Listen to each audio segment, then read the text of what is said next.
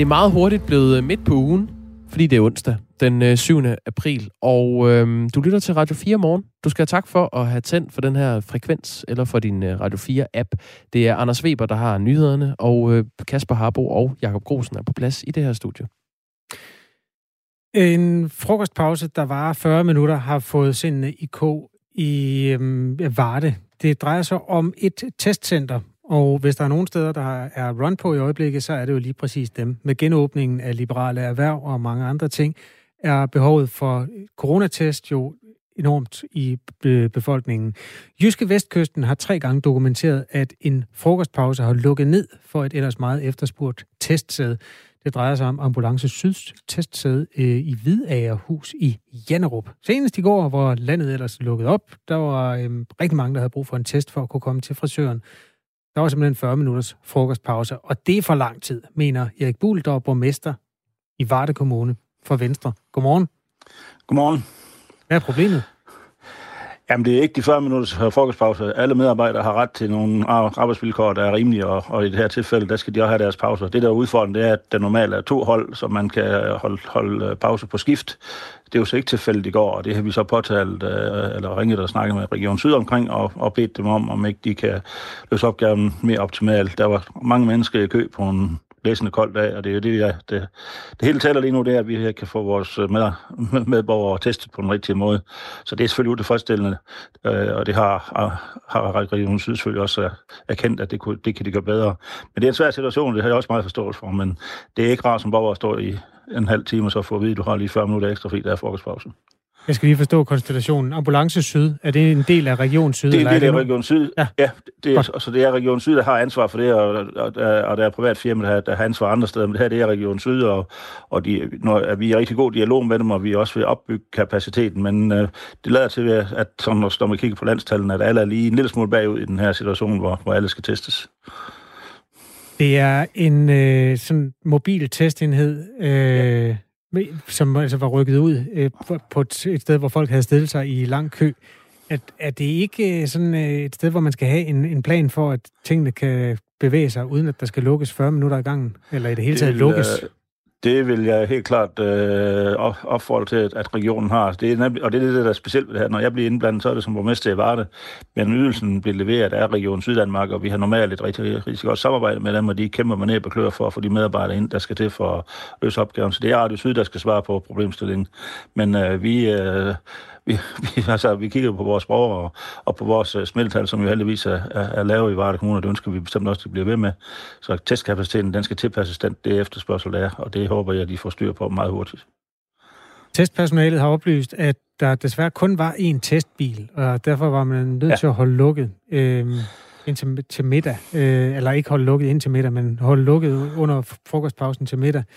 Øhm, hvordan skal det egentlig kunne lade sig gøre at have en arbejdsdag, hvor man ikke lukker testbilen ned, når der nu kun er en bil?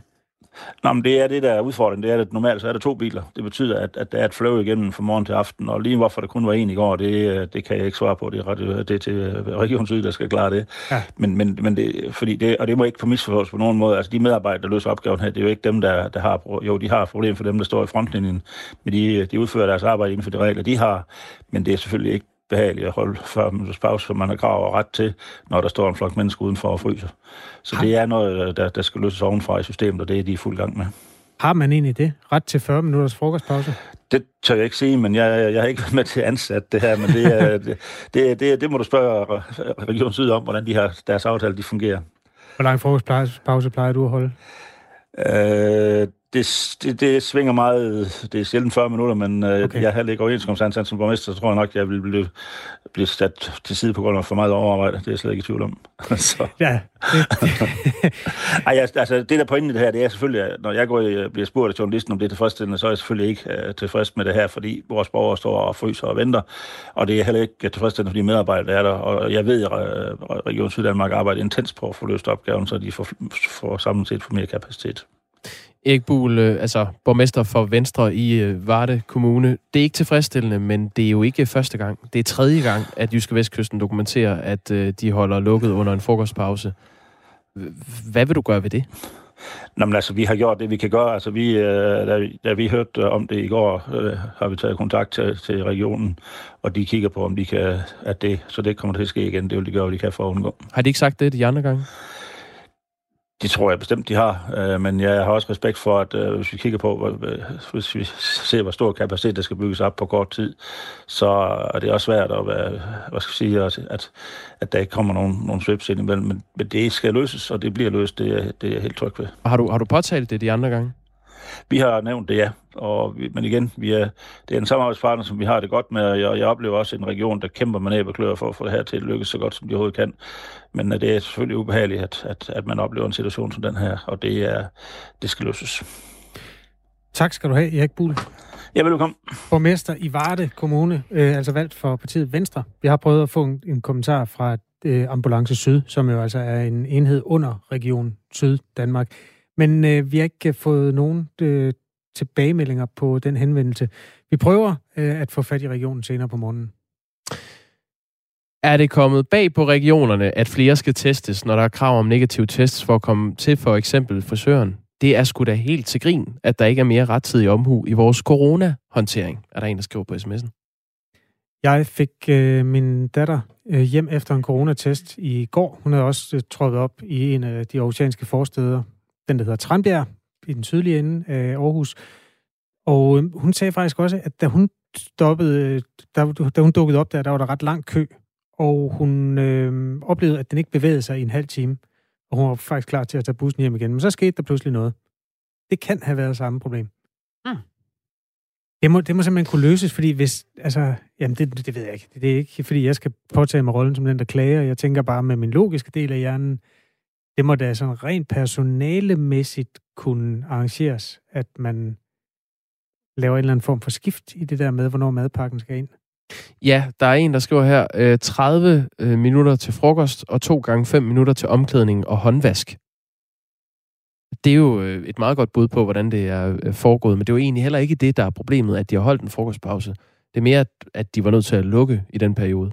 Logistikken omkring det, ja. Der er masser af bøvl med øh, corona i det hele taget, og selvfølgelig skal de pakkes ordentligt ind, når man skal sidde og teste mennesker, der potentielt kan have virus med sig. Det er der ingen tvivl om. Det her det er jo en sag, der kommer på baggrund af, at øh, smittetallene faktisk ser tilforladelige ud øh, for tiden, og det har fået flere partier i Blå Blok til at kræve en hurtigere øh, genåbning. Blandt andre øh, den nyklippede formand for Venstre, Jakob Ellemann Jensen, som kræver den øh, nuværende genåbningsplan fremrykket med en uge, så for eksempel store øh, indkøbscentre, indendørs idræt for børn og unge, museer, udservering på restauranter allerede kan åbne på tirsdag. Vi kommer til at tale med konservativs formand Søren Pape Poulsen. Han er nemlig øh, enig i sin kollegas øh, forslag. Vi taler med Søren Pape om, hvorfor han ønsker en øh, hurtigere genåbning, og om det ikke virker mm, måske lidt overmodigt lige nu.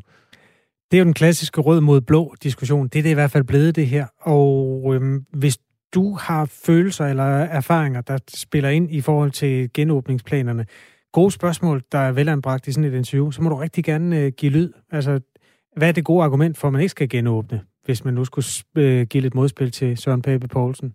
Vi har skrevet en række spørgsmål ned på et stykke papir. Det er klart.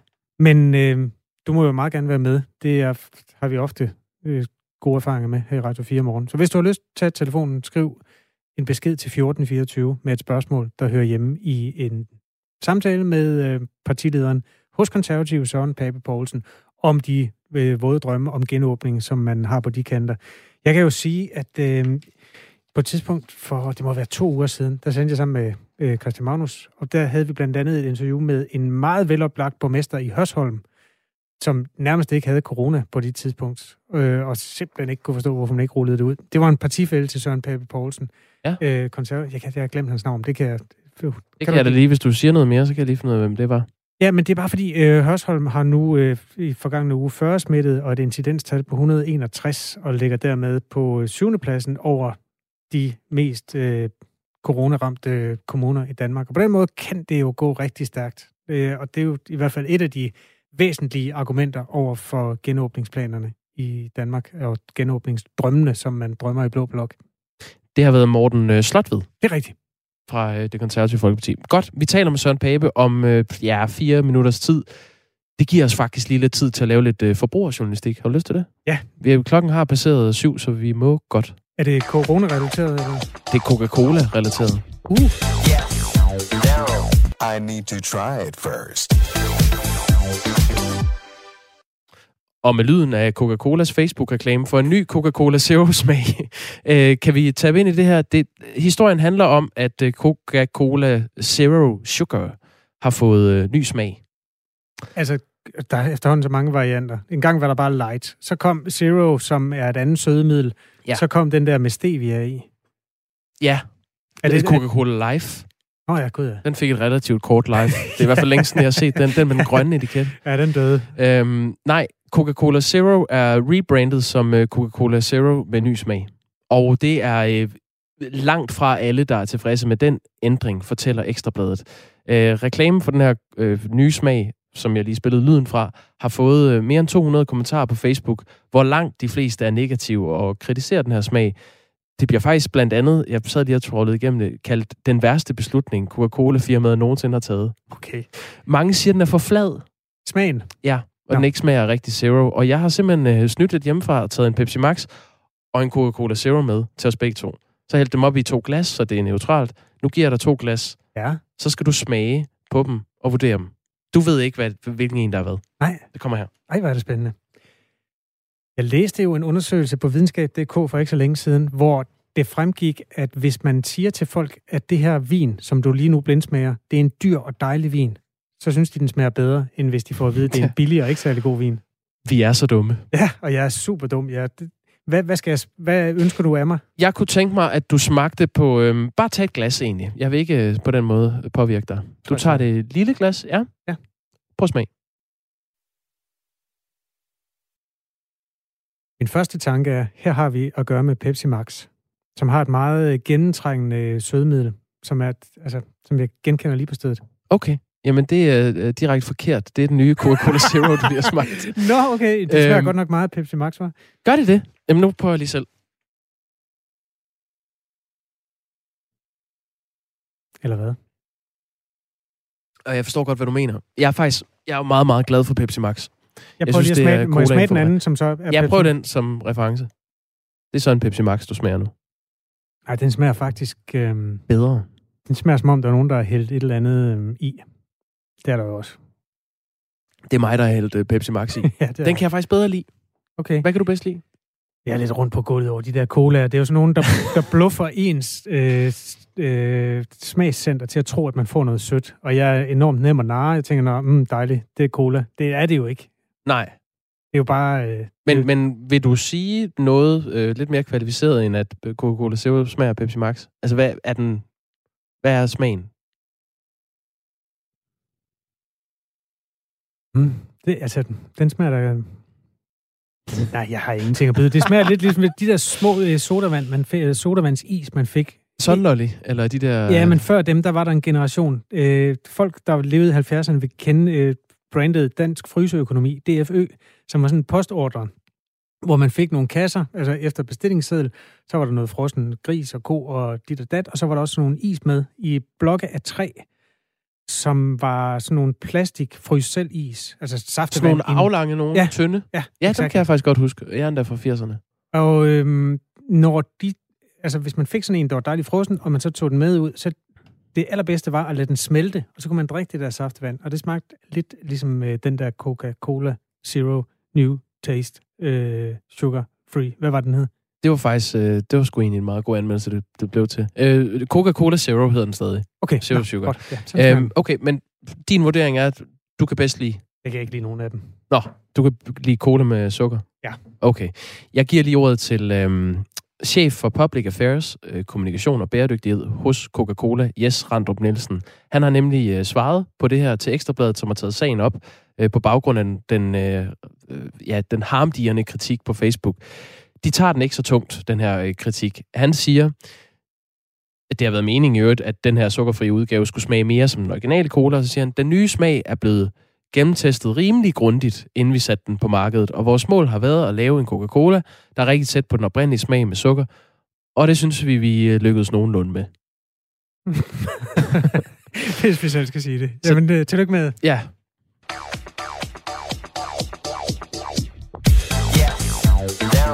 I need to try it first. Godt. Ja. 20 år 7. Tak for cola. Smittetallene ser tilforladelige ud her i Danmark, og det har fået flere partier i Blå Blok til at kræve en hurtigere genåbning. Venstres formand, Jakob Ellemann, øh, som jeg fortalte før, har krævet en, øh, en, den her nuværende genåbningsplan fremrykket med en uge, så for eksempel store øh, indkøbscentre og indendørs idræt til børn og unge, museer og udservering på restauranter allerede kan åbne på tirsdag. Nu har vi øh, Søren Pape Poulsen med, formand for det konservative Folkeparti. Godmorgen. Godmorgen. Godmorgen.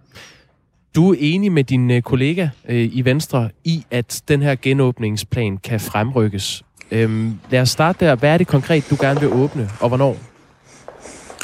Jamen, jeg tænker jo, hvis det skal give mening, øh, de aftaler, vi laver, hvor vi sidder og siger, at vi kan både rykke det frem og tilbage. Når så øh, et indlæggelsestallene i midt i april skulle være 870, men omkring 220, ja, så skal vi vel gøre noget i den gode retning. Og øh, jeg sagde øh, i går, at enten kan vi rykke det hele nu frem. Vi kan også øh, blande det for min skyld. Jeg er sådan set ret åben og sige, skulle vi ikke så tage både indendørs og udendørs servering? Fordi det er et sted, hvor der er mange arbejdspladser, der er meget økonomi. Så kunne vi måske samlet øh, rykke det frem, så det kunne åbne her i, i, i weekenden eller lige efter. Øh, det vil jeg gerne forhandle, men jeg synes jo, vi skal, vi skal rykke på det, når, når det nu viser sig heldigvis, at der er så få indlagte, som der er. Når du tager indendørs servering med i, øh, i ligningen her, så er det jo faktisk noget, der står til øh, først at kunne lade sig gøre fra den 6. maj. Så der forudgriber du øh, lige med en måned øh, planen her. Øhm, lad os lige prøve at tage et par punkter i den her genåbningsplan, øh, Søren Pape, som er gældende lige nu.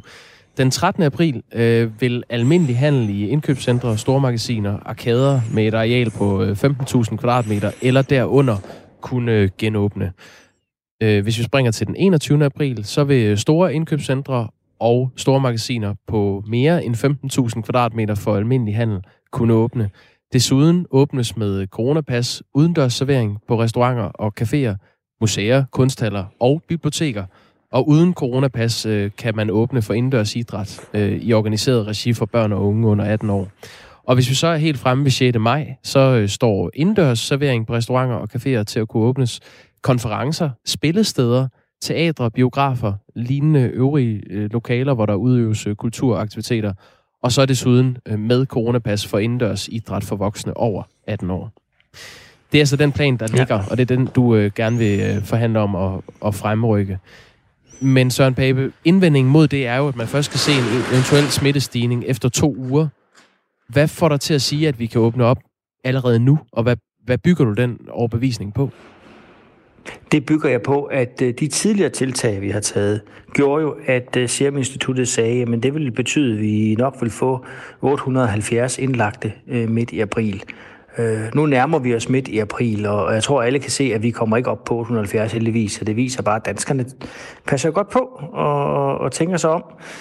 Når vi kun har 220 øh, indlagte, så har det sådan, det er godt nok vildt at holde et samfund i sådan et jerngreb øh, med så få indlagte. Og jeg er helt med på, at vi ikke bare fra den ene dag til den anden kan give los. Og derfor har jeg også sagt, at det kan være at rykke det hele en uge frem. Det kan være at tage nogle elementer ud og rykke frem.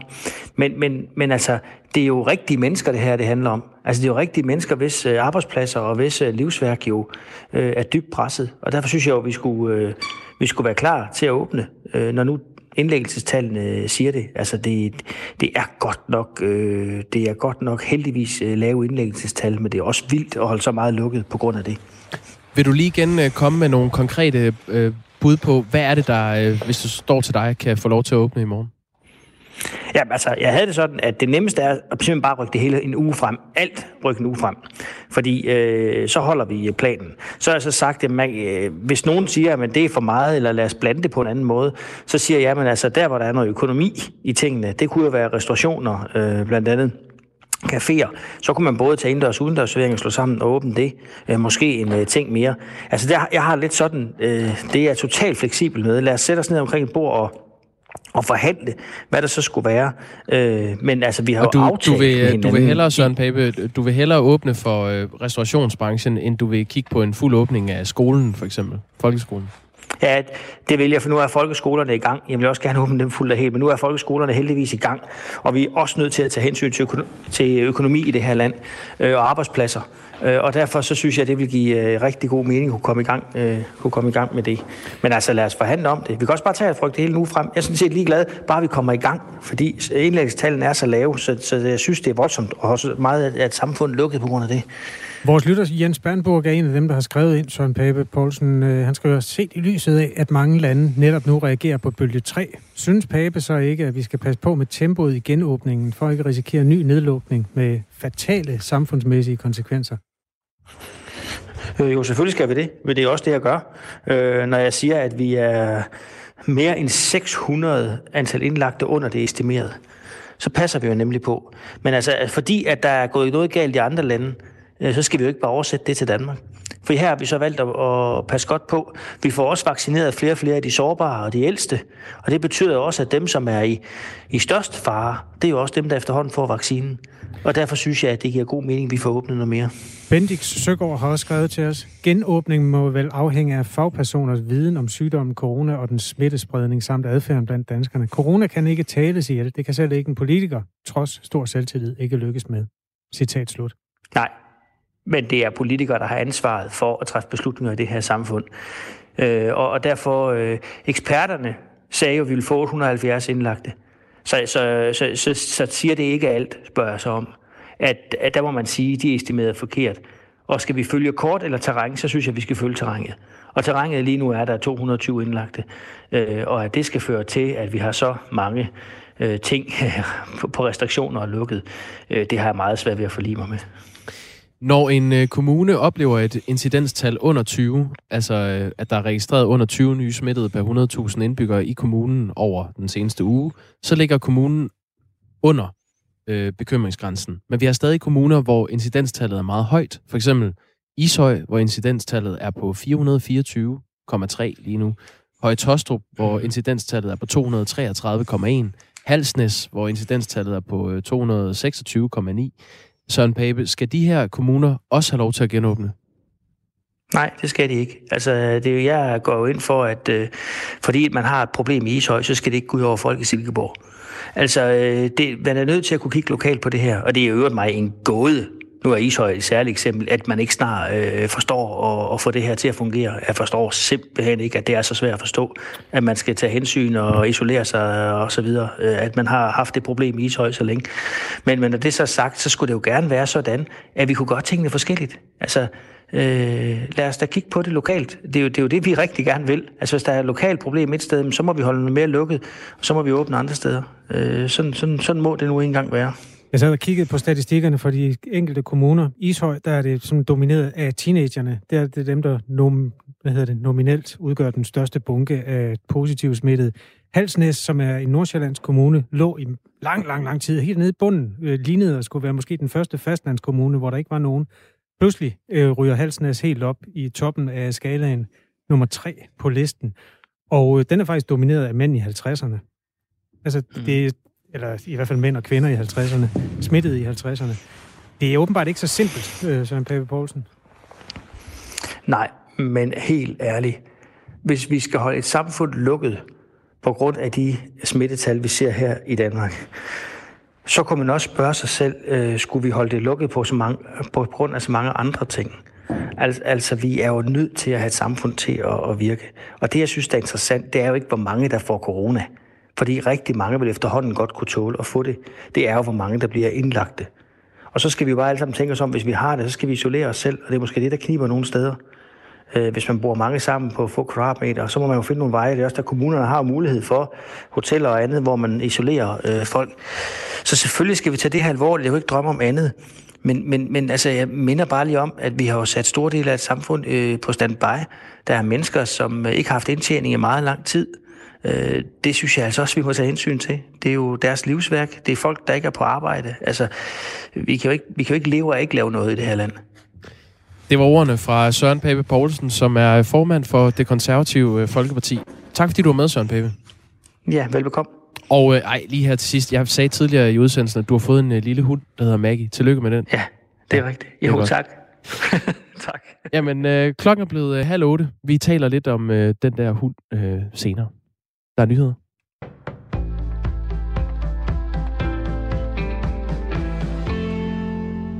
Grønlands største oppositionsparti, Inuit Ataqatigiit, IA, står med over halvdelen af stemmerne optalt til at blive det største parti ved valget i Grønland.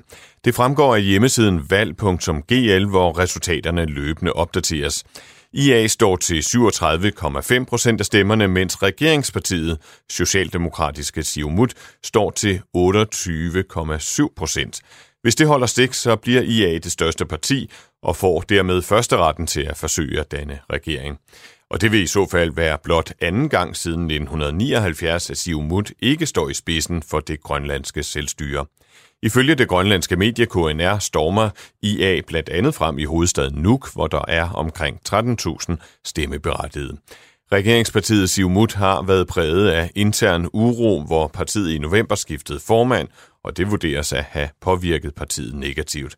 Derudover er partiet for et omstridt mineprojekt i Sydgrønland, som partiet IA er imod.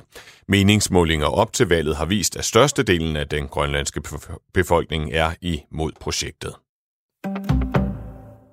Danske pensionsselskaber har indirekte støttet Myanmars militærregime.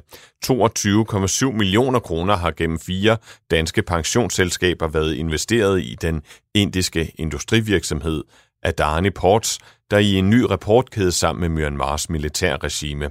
Det er den uafhængige australske organisation Australian Center for International Justice, der retter skarp kritik af den indiske virksomhed. De fire danske pensionsselskaber er AP Pension, Pensam, Lærernes Pension og P+. Virksomheden Adani Ports har ifølge rapporten overført ca. 325 millioner kroner i forbindelse med et stort havneprojekt i byen Yangon i Myanmar til virksomheden Myanmar Economic Corporation, og den virksomhed er ejet af et stort øh, den er ejet og drevet af militæret i Myanmar. De danske pensionsselskaber understreger over fra Radio 4, at man ikke har kendt til de forhold, der bliver beskrevet i rapporten. Venstre vil have løsrevet forsvarschefen og forsvarskommandoen fra Forsvarsministeriet og ministeren, for i stedet at gøre det til en selvstændig militærledelse. Det skriver Berneske. Partiet mener, at forsvarsminister Trine Bremsen har et så fast greb om forsvaret, at det svækker dansk militær, og det risikerer at påvirke en afgørende militærfaglig rådgivning til politikerne. Jeg har tillid, tillid til forsvarschefen, men tilliden til ministeren kan ligge på et meget, meget lille sted, siger venstreformand Jakob Ellemann Jensen til Berlingske. Trine Bremsen siger til avisen, at den nuværende struktur blev vedtaget med bred opbakning fra Folketinget, inklusiv Venstre. En ud af tre personer, som har haft covid-19 og overlevet, diagnostiseres efterfølgende med neurologiske lidelser eller andre sindslidelser. Det viser et nyt stort studie offentliggjort i tidsskriftet Lancet Psychiatry. Angst og humørsvingninger er de mest hyppige diagnoser, og jo alvorligere et sygdomsforløb, desto hyppigere optræder symptomerne, viser studiet. Marts bød endnu en gang på store prisstigninger på boligmarkedet. Isoleret for villaer og rækkehuse er priserne i marts i gennemsnit steget med 2,3 procent i forhold til februar. Det er 10. måned i træk med stigninger. Og stigningerne betyder, at husene nu bliver handlet 12 procent dyrere end i marts sidste år, og det er den højeste årlige prisstigning siden 2010, oplyser boligsiden. Der kommer sol i dag. Ikke så frygtelig meget af den, men der kommer også nogle spredte byer, og de kan indeholde både slud og tøsne. Mellem 3 og 8 grader, og så er der stedvis risiko for glatte veje her i dagens første timer. Nyhederne her var læst og redigeret af Anders Weber.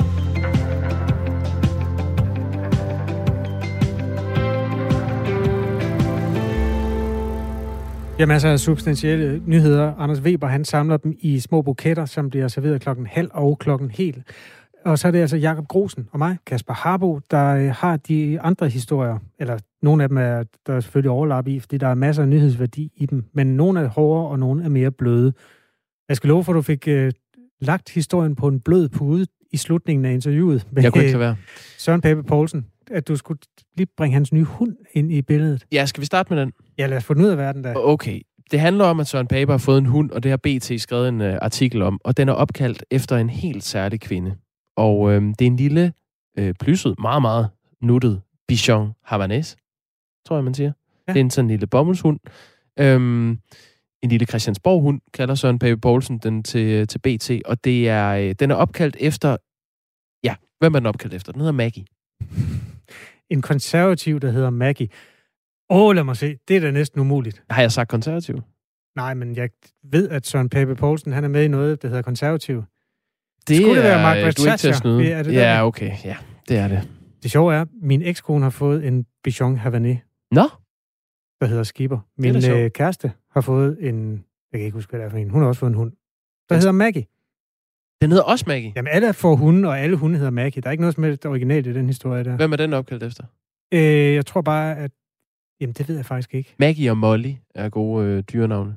Jeg har en kat, der hedder Molly, i øvrigt. Nu skal det ikke fortabe sig fuldstændig Nej, det- ligegyldighederne. Det gør det lidt, men Nå, altså... men det, egentlig så talte vi jo med Søren Pape om, og det synes jeg da også, vi fik gjort, om øh, den her øh, genåbningsplan, som han gerne vil have fremrykket. Og det er jo på baggrund af, at tallene ser bedre ud, end øh, man havde forventet. Regeringen havde forventet. Vi får også sms'er på historien, Kasper. Øh, Kim skriver, vi har gennem det sidste øh, år konstant hørt, at vi lige skal vente og se udviklingen i smittetallene, men intet er sket efter åbning af vuggestuer og skoler og efterskoler, og endnu værre har reaktionen på de fejlkalkulerede skrækscenarier stort set været ikke eksisterende. Vi er gået ind i en national tunnel øh, og lemmingetilstand for lønmodtagere og kigger på SSI's nøgletal hver dag kl. 14. Vågn op for... Der er også en, der skriver, Coronas vidners station. Jeg tror, det er en lynanmeldelse af Radio 4 morgen. Du kan jo, øh, det må du rigtig gerne, hvis du hører det her radioprogram, høre os som podcast og gå ind i podcast-appen, hvis du bruger den ene eller den anden øh, form for software, og lige skrive en anmeldelse af Radio 4 morgen. Det vil vi blive rigtig glade for. Det, man kan jo ledsage den af nogle ord, som vores anonyme lytter har gjort der. Henrik Bank har også lyttet med og er med på at diskutere øh, sådan den der regionale genåbning og regionale nedlukning de steder, hvor der er problemer. Han skriver, at snakke om genåbning med mundbind og pas, der stigmatiserer og opsplitter, lyder i min optik en kende hult. Venlig hilsen, Henrik Brand. Bank. Tak for sms'en, Henrik. Og alle andre, der har skrevet ind på 1424 og øh, begyndt beskeden med R4. Nu er klokken 23 minutter i 8.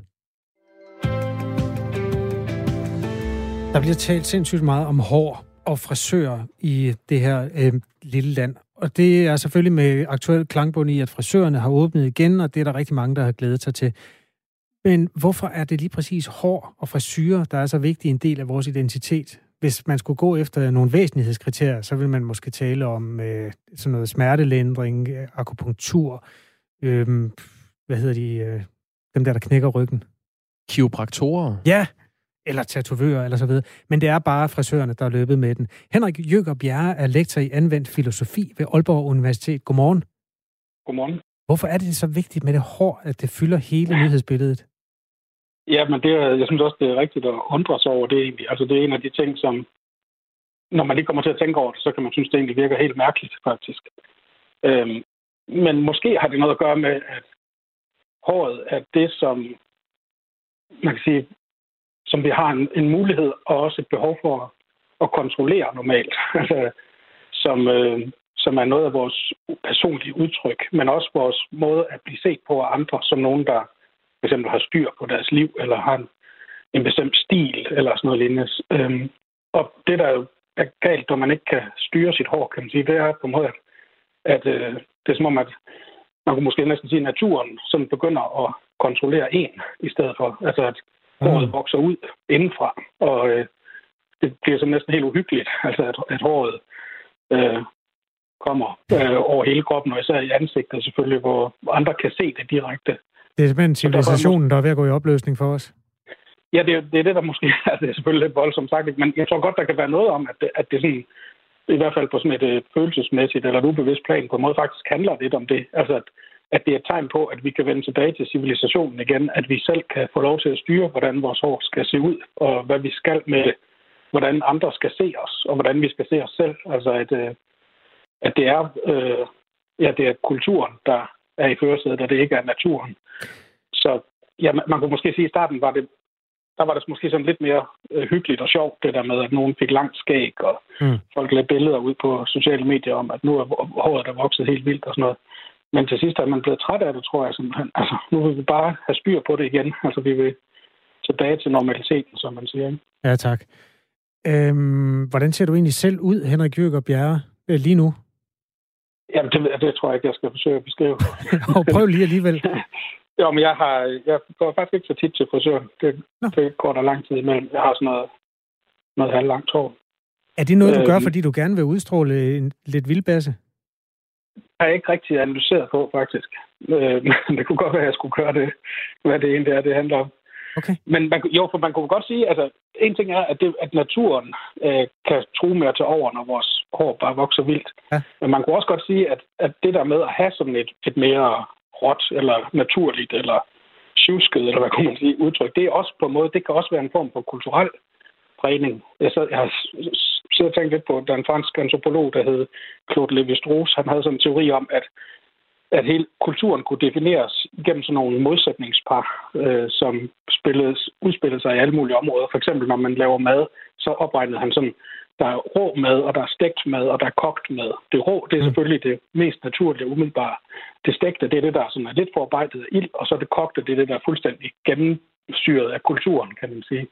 Hvor måde kunne man næsten også oversætte det lidt til, til vores hårsituation. Altså det rå, vilde hår, det er det natur, naturlige, ukontrollerede hår. Ikke? Og så er der det stegte hår, det er det, der er friseret og pænt og ordentligt, hvor man ser ud, som man skal. Ja. Lidt behandlet, men ikke for meget. Og så er der det kogte hår, ikke? det er det, der er fuldstændig gennemstejlet, hvor der, det hele er sat op, og man har et helt vildt udtryk, eller et, et helt uh, totalt kontrolleret udtryk, kunne man sige. Men der er netop mm. i den sammenligning, der vil det vilde hår også faktisk på en måde være en, en kulturel, et kulturelt valg, kan man sige. Så man kan godt sige, at man kan have et råt eller et vildt hår inden for kulturen for at se ud på en bestemt måde, som en, der er måske mere i kontakt med naturen. Jeg så lige Kåre Dybved her forleden dag, indrigsministeren, boligministeren. Mm. Han har lagt et billede ud på Facebook, hvor han var ude at løbe en tur, og hans hår stod fuldstændig vildt ud i alle retninger, fordi han var ude ved havet.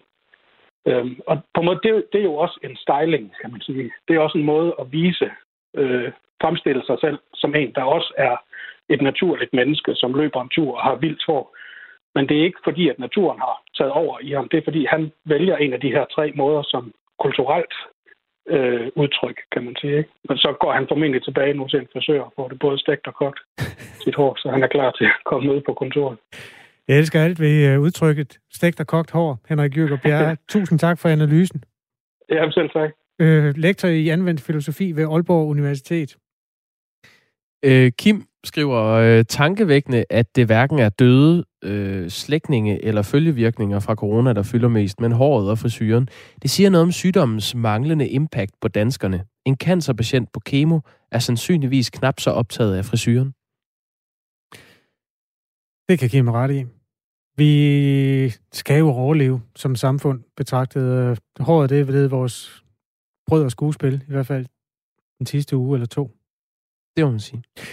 Vi lancerede i øvrigt, jeg, jeg får lyst til lige, bare lige, jeg tror ikke, vi blev helt færdige med de mange sms'er, der kom, da vi lancerede, eller jeg lancerede over for min frisør, da jeg gik derned, ideen om, at vi ikke skulle snakke sammen under klipningen, og øh, han havde tænkt over det under lockdown, og vendte nu tilbage og ville faktisk sætte det på hylden som noget, man kunne bestille. Silent haircut. Altså en øh, klipning, hvor man ikke snakker med øh, frisøren. Og det gav mange for og imod. Og for det første tror jeg, der er kommet nye lyttere til, der kan have holdninger i det felt. Altså, er det i virkeligheden noget, du efterspørger, at din frisør taler med dig? Eller er det noget, du gør af høflighed, og vil du lige så gerne springe over? Den type sms'er vil vi meget gerne have på 1424. Der var en lytter, der skrev direkte øh, med adresse til mig og den der opfindelse, at det er meget uhøfligt ikke at tale med sin frisør. Point taken, øh, siger jeg jo selvfølgelig, men undrer mig også, over, at man skylder at være høflig, når man kommer ind og køber for 300 kroner hårklipning? Jo, men det kommer jo også an på, om frisøren sådan set bare taler til dig som kunde, fordi ja, at det øh, er forventeligt. At det skal man.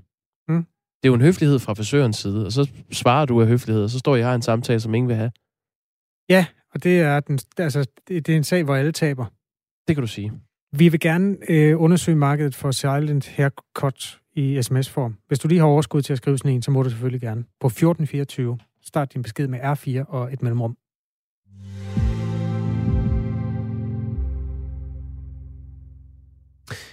...22,7 millioner kroner af danskernes øh, pensionsopsparingskroner har øh, via fire danske pensionsselskaber været investeret i en indisk virksomhed, som hedder Adani Ports. Det vi fortælle her til morgen på øh, Radio 4. Og grunden til, det er interessant, det er, at Adani Ports er blevet ramt af hård kritik, efter at det i en ny rapport fra den uafhængige australske organisation Australian Center for International Justice bliver beskrevet, at Adani Ports i forbindelse med et stort havneprojekt i Myanmar har overført ca. 325 millioner kroner til en virksomhed, som ejes og drives af militæret i Myanmar. Og det er jo altså det øh, militær, som har stået bag det meget voldelige øh, militær kup i Myanmar. Tom Wiele Jensen er underdirektør i pensionsselskabernes brancheorganisation Forsikring og Pension. Godmorgen. Godmorgen. Det her det drejer sig om fire danske pensionsselskaber. Det er øh, AP Pension, det er Pensam, det er P+, og så er det Lægernes Pension. Øh, den australske organisation, som har afdækket det her, opfordrer investorer til at frasælge sine aktier på baggrund af de her oplysninger.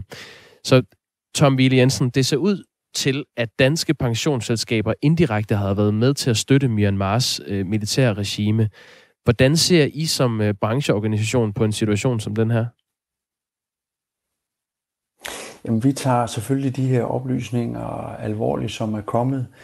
Må ikke lige sige, at øh, Adani Ports er en indisk virksomhed, som i udgangspunktet anlægger havnefaciliteter rundt om i, i, i verden. Og det er der jo i sig selv ikke noget odiøst i. Det, der er det særlige i den her sag, det er jo, at der de seneste par dage, som du sagde lige her i indledningen, mm. er kommet helt nye oplysninger om, at den her indiske havnevirksomhed, den kan altså have været involveret i nogle ting med militærledelsen i Myanmar, hvor vi jo ved, at der foregår nogle konflikter i øjeblikket, som, som ikke er, er rare at se på. Og det, der så, øh, det vi så gør fra branchens side, som også vores øh, medlemmer gør, det er jo, jamen, de øh, tager de her oplysninger til sig, og går nu i gang med at undersøge nærmere, jamen hvad betyder det her egentlig for os? Øh, passer det ind i vores øh, ansvarlighedsprofil? Hvad de oplysninger, der nu er kommet, som du også nævnte her, fra øh, den australske organisation, at det øh, holder det vand, og hvad skal vi så eventuelt gøre der, øh, derefter? Det er egentlig den tilgang, som branchen og som vores pensionsselskaber har. Der ligger en relativt klar procedure hos alle vores medlemmer, hvad man gør i en situation som den her, når der opstår uh, forlydende om, at der måske foregår noget, der ikke er, er, hvad skal vi sige, hvor der ikke er rent trav, og hvor der kan være noget, der kan være i konflikt med god etik eller lovgivning, eller hvad det ellers kan være. Det drejer sig altså i alt om øh, 22,7 millioner kroner, som de her fire danske pensionsselskaber har værdipapirer for i den indiske industrivirksomhed Adani Ports. Og vi har fundet ud af det ved at gennemgå aktielisterne hos de danske pensionsselskaber, hvor man kan se alle de virksomheder, som danske pensionskroner er investeret i. AB Pension og øh, Pensam har øh, de største andele. De står til sammen for godt 21 millioner kroner. Så er der lægernes pension og P+, som har værdipapirer for cirka 1,3 millioner kroner i øh, Adani Boards. Vi har forsøgt at få interviews med de her fire pensionsselskaber, men ingen af dem vil stille op endnu, og det er med begrundelsen om, at de er i gang med at undersøge den her sag øh, nærmere. Men du vil gerne stille op, øh, Tom Vile Jensen, altså underdirektør i, øh, i pensionsselskabernes brancheorganisation. Hvilke muligheder har et dansk pensionsselskab, når man finder ud af, at der er blevet investeret i virksomheder, som man måske ikke vil associeres med? Jamen, der er øh, forskellige muligheder, man kan gøre brug af. Den normale fremgangsmåde er, når der kommer sådan nogle oplysninger her, det er jo som sagt at få undersøgt, holder de her oplysninger vand, hvordan passer det ind i forhold til den ansvarlighedspolitik, som det pågældende pensionsselskab har formuleret? Kan det støde mod nogle af de eventuelle sanktioner, lovgivninger, øh, anbefalinger, der er? Vi har blandt andet FN's øh, Principle øh, øh, responsible in, Principles for Responsible Investment, som her typisk vil komme i brug, øh, fordi det handler blandt andet omkring menneskerettigheder, og det følger så en, en procedure for, jamen hvad skal vi så gøre som investorer? Normalt vil det jo også være sådan, at øh, man vil tage fat enten direkte i virksomheden for at få få en dialog i gang. Det kan man så ikke gøre på, på, på helt samme måde her, fordi det er ikke vores medlemmer, der er investeret direkte i virksomheden. Det er igennem en række investeringsfonde. Det man så kan gøre, det er selvfølgelig så at tage dialog med de investeringsfonde, der er investeret igennem. Øh, og det er også det, jeg kan se, øh, øh, to af vores medlemmer har sagt til jer i hvert fald, at de er i fuld sving med at få, få undersøgt det her nærmere og tager det her meget alvorligt. Det, det så i sidste ende kan ende op med, men det er der jo ingen, der ved endnu, det er selvfølgelig, at, at man siger, at vi er ikke interesseret i at have de her værdipapirer. Og det er så en beslutning, der jo så typisk træffes, når man har undersøgt alle de her forskellige forhold. Vil du opfordre Normalt til, at det er den beslutning, man tager? Man også kunne, ja. Ej, det vil jeg ikke, fordi jeg synes, man skal have, det er fair nok, oplysningerne kom i går, jeg synes, det er fair, som vores medlemmer siger, det må vi have undersøgt nærmere, det her. Øh, men det er klart, og det kan jeg også se, at vores medlemmer har sagt, at når det handler om konfliktområder, altså hvor det har noget med menneskerettighed at gøre, hvor, det, hvor der foregår øh, militære konflikter også, øh, så, så er det klart ikke også, at det, det, det kan jeg også se på det, medlemmer har sagt, det vil de virkelig få undersøgt til bunds det her, og, og det kan selvfølgelig få nogle konsekvenser for de investeringer her. Øh, må, jeg ikke lige sige også, altså vi har, vores branche har for ca. 3.500 milliarder kroner investeret af danskernes pensionsopsparing. Øh, to tredjedel af dem er i udlandet, altså uden for landets grænser. Mm. Og, og det, kan, det er meget naturligt, at man har meget spredte investeringer. Vores medlemmer, og også de pågældende medlemmer, du nævner her, har formentlig engagementer i flere tusind selskaber rundt omkring i verden. Derfor er det ikke usædvanligt, at der opstår situationer som her, hvor, hvor man kan sige, at I rejser nogle kritiske spørgsmål. Og det er netop de kritiske spørgsmål, vi så også om medlemmerne er i fuld gang med at prøve at besvare og finde ud af, hvad der er op og ned i.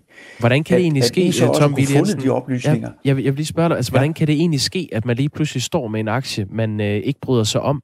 Er det ikke pensionsselskaberne selv, som har købt dem? Ja, I det her tilfælde er det jo faktisk ikke vores pensionsselskaber, der direkte har købt øh, aktierne i det pågældende selskab. Det er nogle investeringsfonde, som de investerer igennem. Så det, de skal have, det er selvfølgelig en dialog med investeringsfonden, og hvad for en profil, om man så må sige, man gerne vil have på de investeringer, man gør. Jeg er ikke to sekunder i tvivl om, at der nu øh, bliver indledt en dialog med de her investeringsfonder om det er ret og rimeligt at have de her investeringer.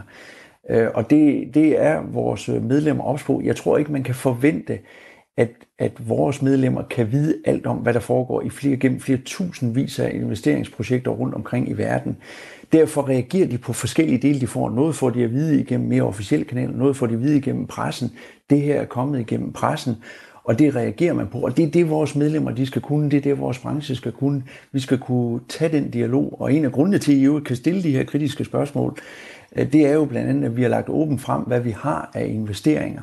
Så du har kunne gå ind og slå op i går og se, jamen der er faktisk de her selskaber, der er investeringer i, og dermed kan man stille de kritiske spørgsmål, om vi kan få den dialog, der er ønskværdig. Det er jo stort set alle danske pensionsselskaber øh, slår sig efterhånden op på, at de øh, investerer øh, de laver såkaldte ansvarlige investeringer, og etikken i investeringer af vores pensionsformuer får mere og mere opmærksomhed. Den her øh, aktie, som der er tale om i Adani Ports, den her indiske virksomhed, har faktisk været et ret godt bekendtskab i øh, 2021. Øh, den er steget med øh, næsten 69 procent. Er der brug for særligt håndfaste beviser, før de her pensionsselskaber skiller sig af med den investering? Men det er jo det, man kan sige, at det er, vores medlemmer er i fuld gang med at, at kigge på, hvad, hvad, hvad, hvad skal der ske her? Jeg kan ikke svare på, på mine medlemmers vegne om, hvad de præcis vil gøre i en konkret sag øh, Øh, andet end den proces, der nu er lagt op, og, og hvad den så kan, kan, kan føre med sig. Men jeg synes, det er utrolig vigtigt, også I på Radio 4 tager diskussionen op her. Øh, vi møder af og til de sager her. Det vil der opstå, det vil der, der vil opstå de her diskussioner. Der kan være meget forskellige opfattelser af, hvad der øvrigt er etisk og ansvarligt. Øh, for nogle måneder siden blev vi kritiseret for at have investeret, mange af vores medlemmer også investeret penge i Volvo, og det vil mange danskere jo være bekendt med, hvad Volvo laver, øh, og de laver blandt andet lastbiler og busser. Øh, men de laver altså også komponenter til militære køretøjer, som så kan bruges i, i, i konfliktzoner. Men betyder det så, at vores medlemmer skal afhænde deres aktiver i, i Volvo? Ikke nødvendigvis, for det vil måske også betyde, at vi skulle lade være med at købe deres busser og lade være med at køre øh, deres lastbiler. Og det er de diskussioner, vi skal tage, og det, der, derfor er ansvarlige øh, investeringer vigtige at få drøftet, og det er vigtigt at tage op en anden mere direkte, hvis jeg lige må kort komme ind på det, diskussion har også været, må vi for eksempel eje aktier? Er det ansvarligt at eje aktier i Lockheed Martin? Det er det amerikanske selskab, der producerer de kampfly, som rigtig mange NATO-lande er ved at erhverve sig i øjeblikket.